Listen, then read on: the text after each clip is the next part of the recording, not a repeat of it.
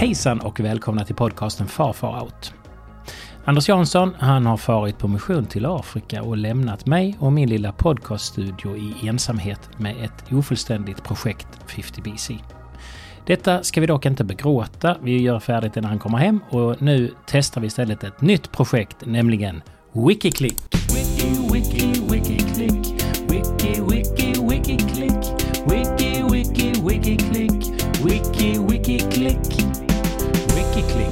Jag kommer i Wikiklick att försöka hitta svaren på alla världens frågor genom att klicka på Wikipedia och andra källor till visdom på internet.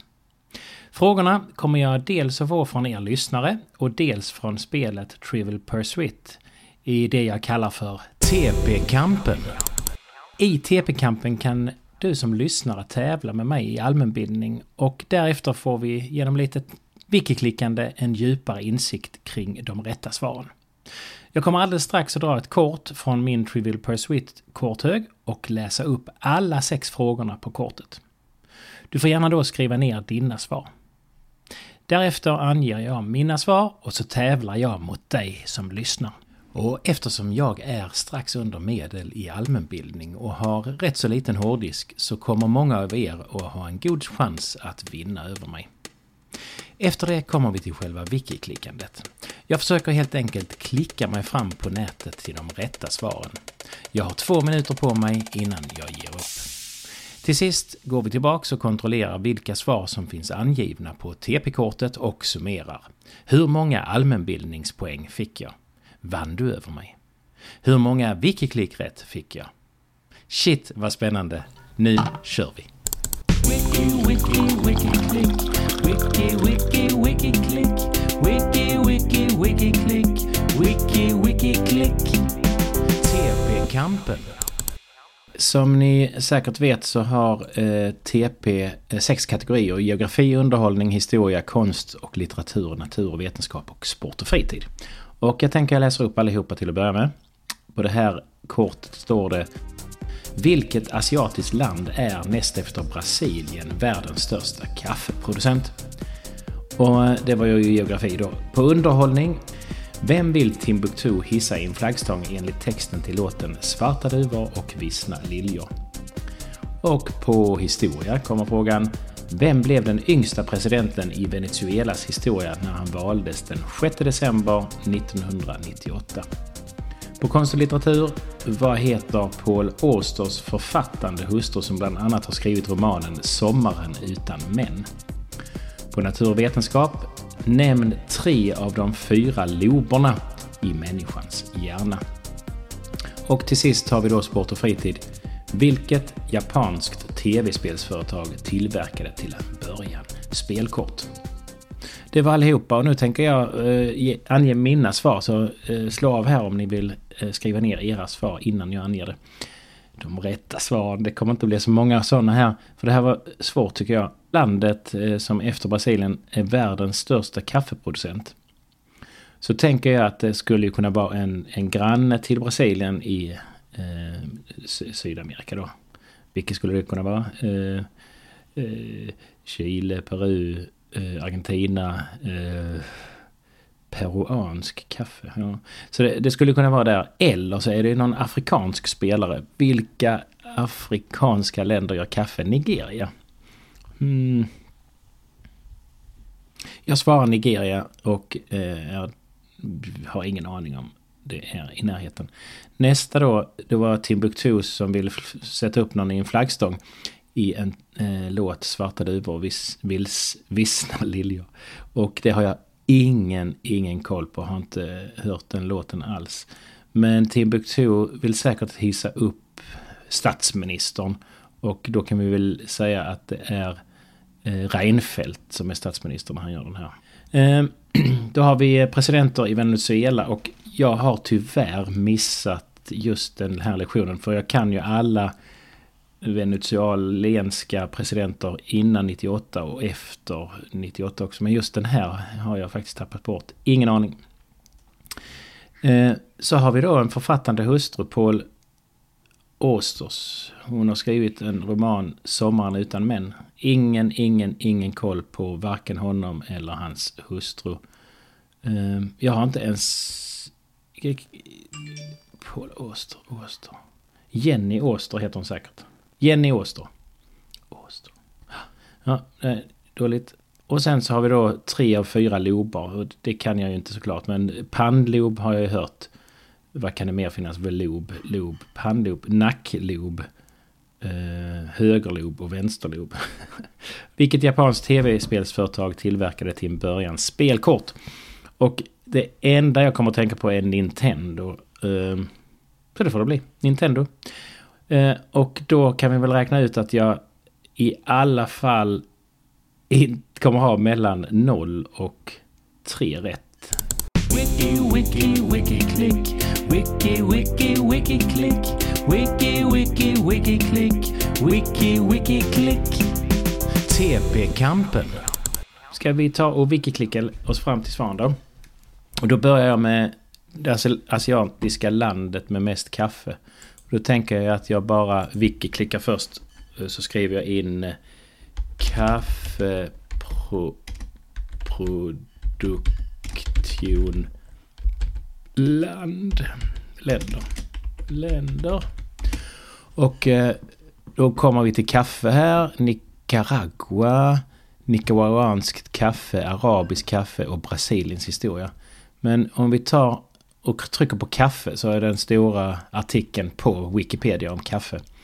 Oj, det här är ju intressant. Kaffe var i slutet av 1900-talet den vara som genererade näst mest exportinkomster för utvecklingsländer efter olja. Så olja och kaffe. Och 2010 produceras 7,4 miljoner ton kaffebönor. De främsta odlingarna ligger i Brasilien, Vietnam, Indonesien, Colombia och Etiopien. Så jag missar ju helt den asiatiska delen här. Så Vietnam och Indonesien. Och nu står det ju inte... Men det står ju inte vilken som är den största då. Men låt oss säga att det är Vietnam om det står i ordning.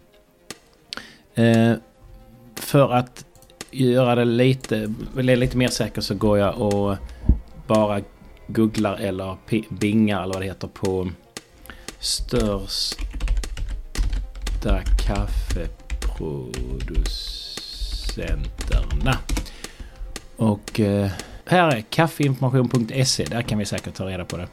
Brasilien är nummer ett och Vietnam är nummer två. Så mitt svar efter wikiklicket är alltså Vietnam.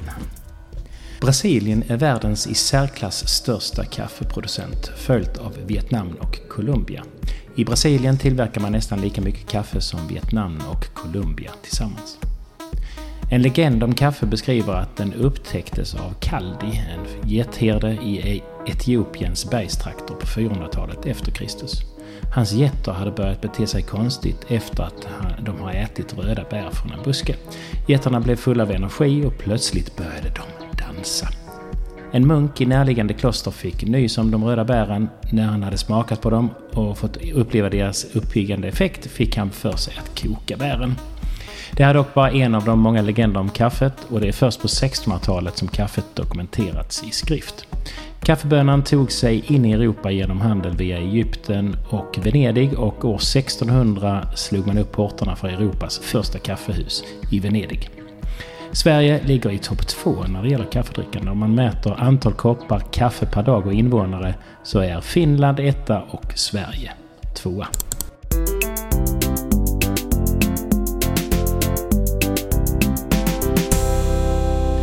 Då kör vi vidare på Vem vill Timbuktu hissa i en flaggstång enligt texten till låten Svarta duvor och vilsna, vissna liljor.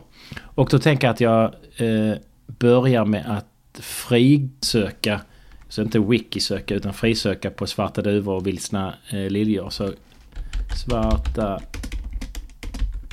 duvor och vilsna liljor. Och då får vi upp eh, Timbuktu här. Och vi vill ju gärna ha texten såklart. Om vi tar fram texten, lyrics, så kan vi hitta det. Då ska vi se. Mannen Reinfeldt är en maskot. Bilden riktig killer. Han målade sitt mästerverk i rött, blod spilla, bla bla bla. Ska vi se om vi kan få se vem han hissar upp. Eh, Säpo och Kungsgatan och Soran och Fuck SD med Jimmy i spetsen.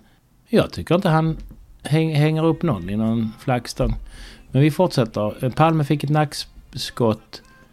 SD fick en jackpot. Ah, här, här är det. Eh, eh, all, alltså, piskan viner till vi går passgång. Dunka Jimmy gul och blå. Hissa i en flaggstång i en flaggstång. Landet vi nu bor i är fan krokigare än kungen. Dra till Djursholm och fråga brokigaste ungen. Okej, okay, så det är alltså Jimmy Åkesson han vill slänga upp i en flaggstång. Ja, bra. Rapgruppen Kartellen gjorde den här låten Svarta duvor och Vissna liljor tillsammans med Timbuktu. Eh, den släpptes 2013 som singel och hamnade sen på albumet Ånger och kamp del 2. Låten blev mycket omtalad då den innehöll kängor i många riktningar, till exempel mot Reinfeldt, Bildt, Borg, eh, Bard och Socialdemokraterna, men också direkta hot mot Sverigedemokraterna och Jimmie Åkesson. Sebbe Stax i Kartellen hade innan låten kom blivit dömd för olaga hot mot Åkesson då han twittrat om att han vill tortera och döda SD-ledaren. Han har också genom åren blivit dömd bland annat för misshandel, skattefusk, narkotika och vapenbrott. Och sen tog han en rätt skarp vändning och är nu aktiv i Livets Ord. Flera medier förbjöd spelandet av den här låten på grund av det hotfulla innehållet.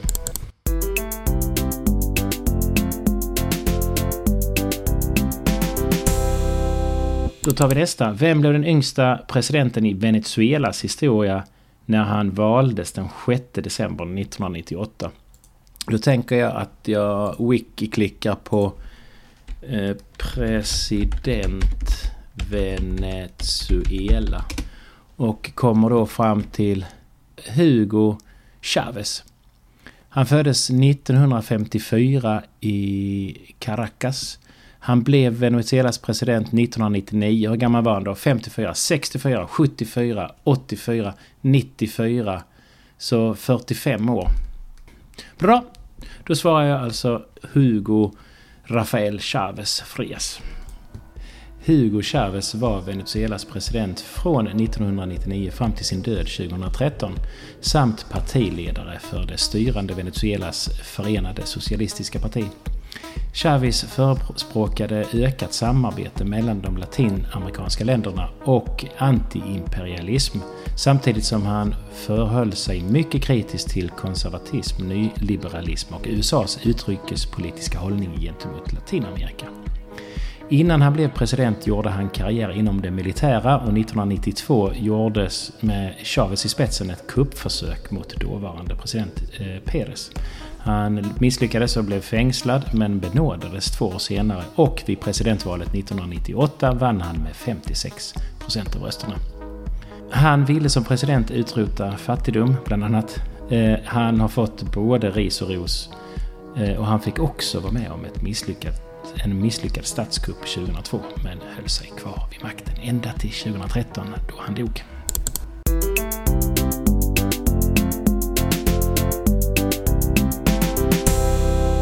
Då var det Paul Auster och hans författande hustru. Det klarar vi lätt också på Wikiklicken. Då skriver vi bara på... Hur stavar han det? Paul Austers. Paul Austers. Och här har vi honom. Paul Austers föddes 1947. Han är amerikansk författare och manusförfattare. Han är gift och har en dotter med författaren Siri Hustvedt hastvätt, hustvätt, Hustvätt. Vad det heter? Siri Hustvätt. Ja. Eh, de bor i Brooklyn i ett hus där som hon tvättar ofta. Och om vi klickar på hustvätten här. Siri. Siri, Siri. Jag vet inte hur man uttalar det. Hon är född 55. Och hon har skrivit till exempel Minnen av framtiden, den lysande världen, sommaren utan män och sorgesång. Eh, bra. Då vet vi det. Då svarar vi alltså Siri hustvätt. Eller hastvett. Och hur man nu uttalar Siri på engelska eller på amerikanska. När Mia Fredriksens make Boris meddelar att han behöver tid för sig själv rasar hennes tillvaro samman. I själva verket har han förälskat sig i en 20 år yngre arbetskollega. Mia beslutar sig för att återvända till sin hemstad för att hålla en poesikurs för tonåringar under sommaren. I mötet med de sju flickorna och med sin egen 87-åriga mor och hennes väninnor får Mia nya perspektiv på kvinnors historia i allmänhet och sin egen i synnerhet. Dessutom dyker en viss Mr Nobody upp under dessa omtumlande sommarveckor. Med humor, ilska och sorg ger Siri Hasfet sig i kast med vad som skiljer människor och råttor åt. Vad som skiljer kvinnor och män åt. Vem som egentligen upptäckte klitoris och varför den kvinnliga orgasmen har setts som ett problem. Sydsvenska Dagbladet skriver en bok som borde sättas i händerna på alla män som kvinnor som stångats med manliga egon. Siri har skapat en karaktär som är en korsning mellan Rambo, Oprah och Simone de Beauvoir. Sällan har jag blivit så förförd av en bok som av Sommaren utan män.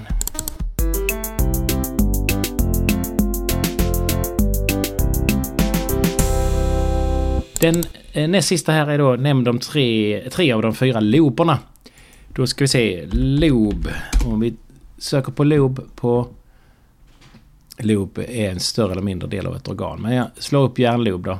Så, här har vi... Men här, här finns fem hjärnlober. Men, men i frågan så var det fyra lober i människans hjärna. Så vi har då pannloben, gässloben, nackloben, ting, tinningloben och insula. Vi ska se vad insula är för någonting.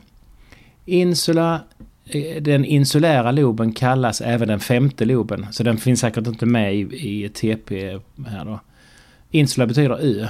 Området är ett bilateralt somasonetiskt barkområde i hjärnan som ligger längst inne i djupet av sidofåran.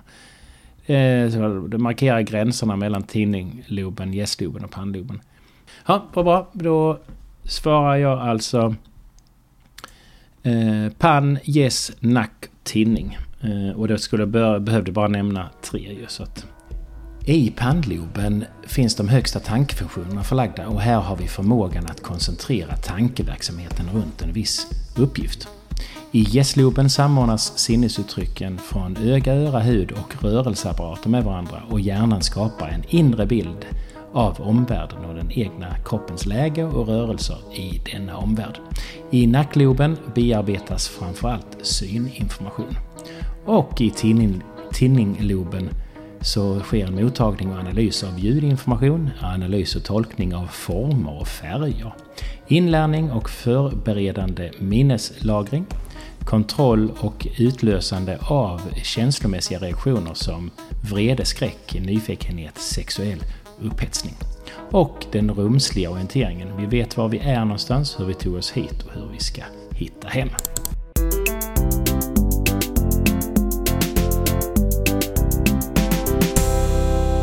Sen tar vi då eh, eh, vilket japanskt tv-spelföretag eh, tillverkade till en början spelkort. Och då är det lite svårt så jag börjar att söka på... Hur ska jag göra? Spelkort och tv-spel. Om, om vi kör så kan man då hitta det. Eh, haha! eh, då hittade jag om Nintendo. Ehm, kom fram direkt och då säger, står det att eh, Fushajiro Yamasashi som började tillverka spelkort. Men sedan 19, eh, slutet av 70-talet mestadels inräknas på tv-spel. Så att där hade jag alltså turligt nog rätt med att det var Nintendo. Fusajiro Yamachi grundade företaget Nintendo år 1889 med syfte att tillverka spelkort, så kallade Hanafuda. Fusiyaris svärson blev Nintendos andra VD från 1929 till 1949 och företagets tredje VD mellan 1949 och 2002 var Fusajiros barnbarn. Spelkortsbranschen dalade eh, på 1900 talet och under 60-talet försökte Nintendo därför tjäna pengar på många olika sätt. Man drev ett taxiföretag, ett kärlekshotellkedja, ett livsmedelsföretag som försökte sälja snabbris och flera andra produkter, bland annat dammsugare. På 1970-talet så kom man i alla fall in på arkadspelsmarknaden och gjorde bland annat succé med Space Invaders. 1977 lanserade man fyra spel i eh, tv-spelsserien Color TV Game. Och 1980 kom Game Watch med Donkey Kong. Och sen flöt det på.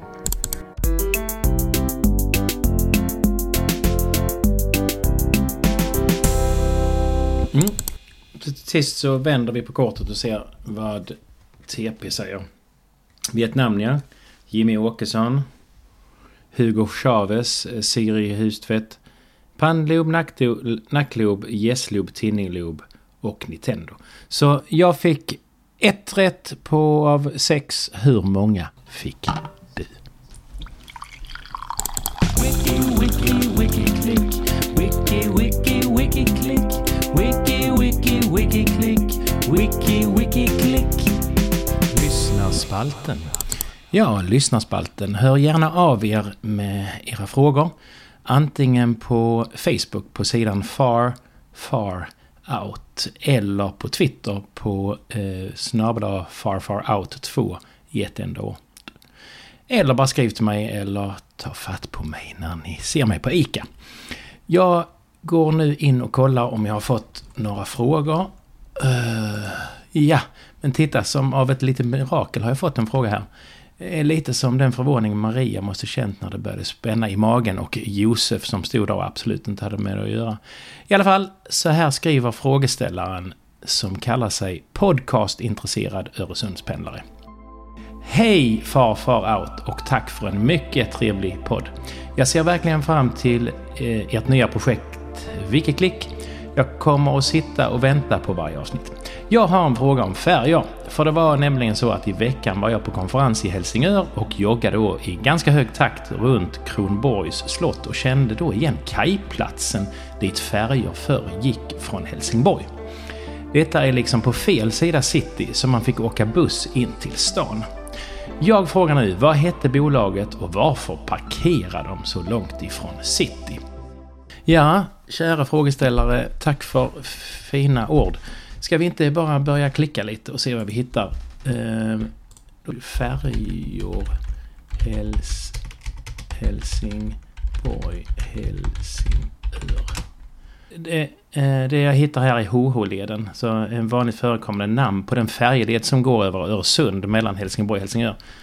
Eh, HH kommer från första bokstaven i namnet på de båda städerna. Det är 4,8 kilometer mellan färjelägena. Och om vi ser då så vill jag gärna se historia här.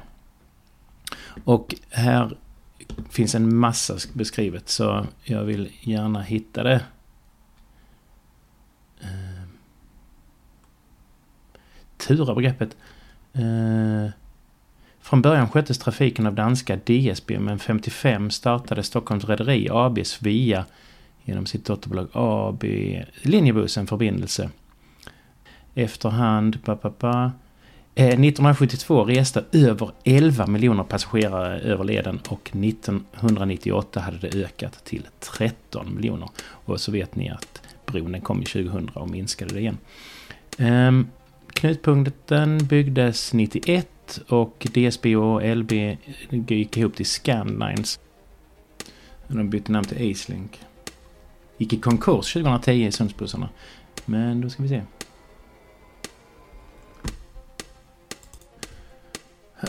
Nej, jag hittar faktiskt inte det. Jag tror att jag måste använda en livlina. Eh, och jag tror jag ringer eh, min pappa.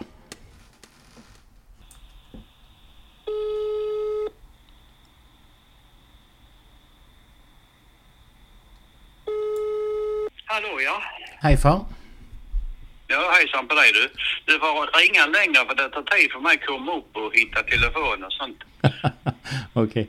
Okay. Eh, du, eh, jag eh, har en fråga. Eh, ja. När vi var unga så, och åkte till Helsingör så, ja. så fanns det ju en färja som gick till city men en annan färja som gick till eh, andra sidan hamnen vid Kronborgs slott. Så man fick åka buss in. Kommer du ihåg det? Ja, det stämmer nu. Ja, just det. Det, det är rätt. Det var det faktiskt, ja. ja. Kommer, ja, kommer du ihåg vad det bolaget hette? Nej, det har jag inte en suck om. Nej. Jag vet inte, vad heter de andra? Jag vet inte. HH Ferris kanske? Nej. Ja, det var något, ja, någonting sånt var det ena i alla fall. Nej. Nej, jag vet inte var, varför det blev skillnad på det. det var, man, man gick på på olika ställen i Danmark, eh, Sverige då också. Var var det? Ja, ja, för det var ju olika bolag som de hade i olika ställen. Ja, ja. Det ena fick man köra runt på något vis för att komma till den andra. där väl mer nere i hamnen bara. Ja, just det. Det stämmer ja. Ehm, ja, vad bra. Men ehm, då... Varför kommer, varför kommer du att tänka på det då? Jag var i eh, Helsingör i, ehm, i veckan eh, på, Jaha. på konferens precis bredvid Kronborgs slott. Och så bara kände jag igen det där stället där man Ja, gick ja, av. Men hur tar du, på- äh, k- kör du från Köpenhamn till Helsingör med bil eller du tar färjan över? Ja, det, det, går, eh, det går ju snabbast med färjan om färjan går precis när man kommer fram. Men om man får vänta 20 Ja, minuter så går det inte. Så jag tar alltid eh, eh, bron för att vara säker på... Ja, just det. Ja, du har ju grejer till det ju så. Ja, precis. Ja, ja. Sånt. Men, Ja, nu ska Ja, vi köra och dansa ikväll. åh trevligt. Men då får ni så det blir jättebra far. Ja. Gott, gott. Men vi hörs då. Det gör vi. Ha det bra. Hej. Hälsa alla, krama. Hej. Hej. Nej, när inte ens ens gamla far kan det så får man väl ge upp. Passfrihet mellan Sverige och Danmark infördes 1952 och 1955 startade ett svenskt bolag det som senare skulle heta HH Ferries i konkurrens med danska DSB som tidigare haft monopol på färjetrafiken. I Helsingör tyckte man att ett danskt monopol var bra och det fanns ett motstånd mot konkurrensen från det svenska bolaget. Under långa tider fanns ingen skyltning till HH Ferries färjelägen, endast en reklamskylt som monterades upp på ett privat hustag. Det fanns ingen plats i hamnen på Citysidan för ännu ett färjebolag, så HH Ferries fick lägga till på Kronborgssidan.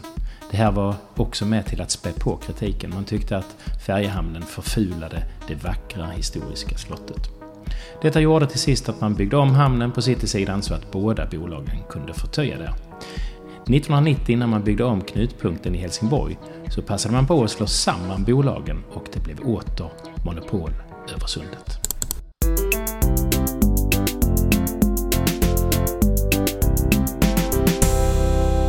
Nej men kolla här, det har dykt upp ännu en fråga medan vi höll på här. Låt mig läsa. Hej Pelleplutt! Vill börja med att tipsa om en jättetrevlig podd, nämligen Hundåren av Thomas Andersson Vi. Där han intervjuar artister om de där åren som kanske inte var så framgångsrika. Väldigt bra koncept på podd faktiskt. Jag lyssnade häromdagen på podden när Per Gessle blev intervjuad. Trevlig kille för övrigt. Och jag minns då lite luddigt att han nämnde en gitarrist som var med och spelade in på hans första soloplatta. Jag blev lite nyfiken på honom, men minns inte vad han hette. Eh, Janne något. Kan du kolla upp vem han är? Ja, då får vi väl klickedicka, wiki-klicka på Per Gessle. Per Gessle. Och han föddes 59 i Halmstad. Eh, och är en av, är sedan 80-talet en av Sveriges mest framgångsrika artister med Gyllene Tider, Roxette och eh, sån egna album vad det nu heter. Eh, vad ska vi se? Vi går ner och ser om vi hittar någonting. Eh, här har vi eh, och gjorde han ett album här mellan eh, Gyllene Tider och Roxette. Måste det vara. Per Gessle heter det 1983. Vi kollar det. Och då har vi musikalbumet Per Gessle. Och där är lite intressant att eh, första låten På väg så är det Niklas Strömstedt som har gjort musiken. Här har vi musikerna. Per Gessle, Janne Bark. Där har vi det redan. Men vi kan titta vidare. Eh, Backa, Hans Eriksson. Marie Fredriksson körar. Så redan då var hon med. Kjell Johansson. Nane Kvillsäter, ingen aning. Lasse Lindbom. Minns jag det som att han var med eh, Strömstedt i den här uh, Triad. Eh, heter de det Triad? Mm. Tror jag. Och Niklas Strömstedt spelar Hammondorgel. Strömstedt han var ju på den här tiden måste det vara då som han spelade med eh, Lundell. Men han fick alltså också vara med och spela med Per Gessle. Men då trycker vi på Janne Bark och kollar var vi hamnar då. Janne Bark, eh, född 58. Och eh, han slog igenom i gruppen The Radio i början av 80-talet. Och så har han medverkat på otaliga turnéer med Uffe Lundell. Så Uffe Lundell var han med och så hjälpte han då Gessle på hans eh, album. Bark var också medlem i Triad. Jaha. Så det var Lasse Lindbom, Janne Bark och Niklas Strömstedt som, som gjorde, var med i Triad och gjorde den här fantastiska låten Tänd ett ljus 1987. För en minut sen brann den, en sekund sen försvann den Var det bara jag som såg början av 90-talet så medverkade Bark i ett antal melodifestivaler som låtskrivare och körsångare, bland annat till Nick Borgen. Och numera är han aktiv som solomusiker och ger ut album under eget namn. Sedan 2010 har Bark spelat bland annat med Dan Hylander och turnerat med Lundell igen.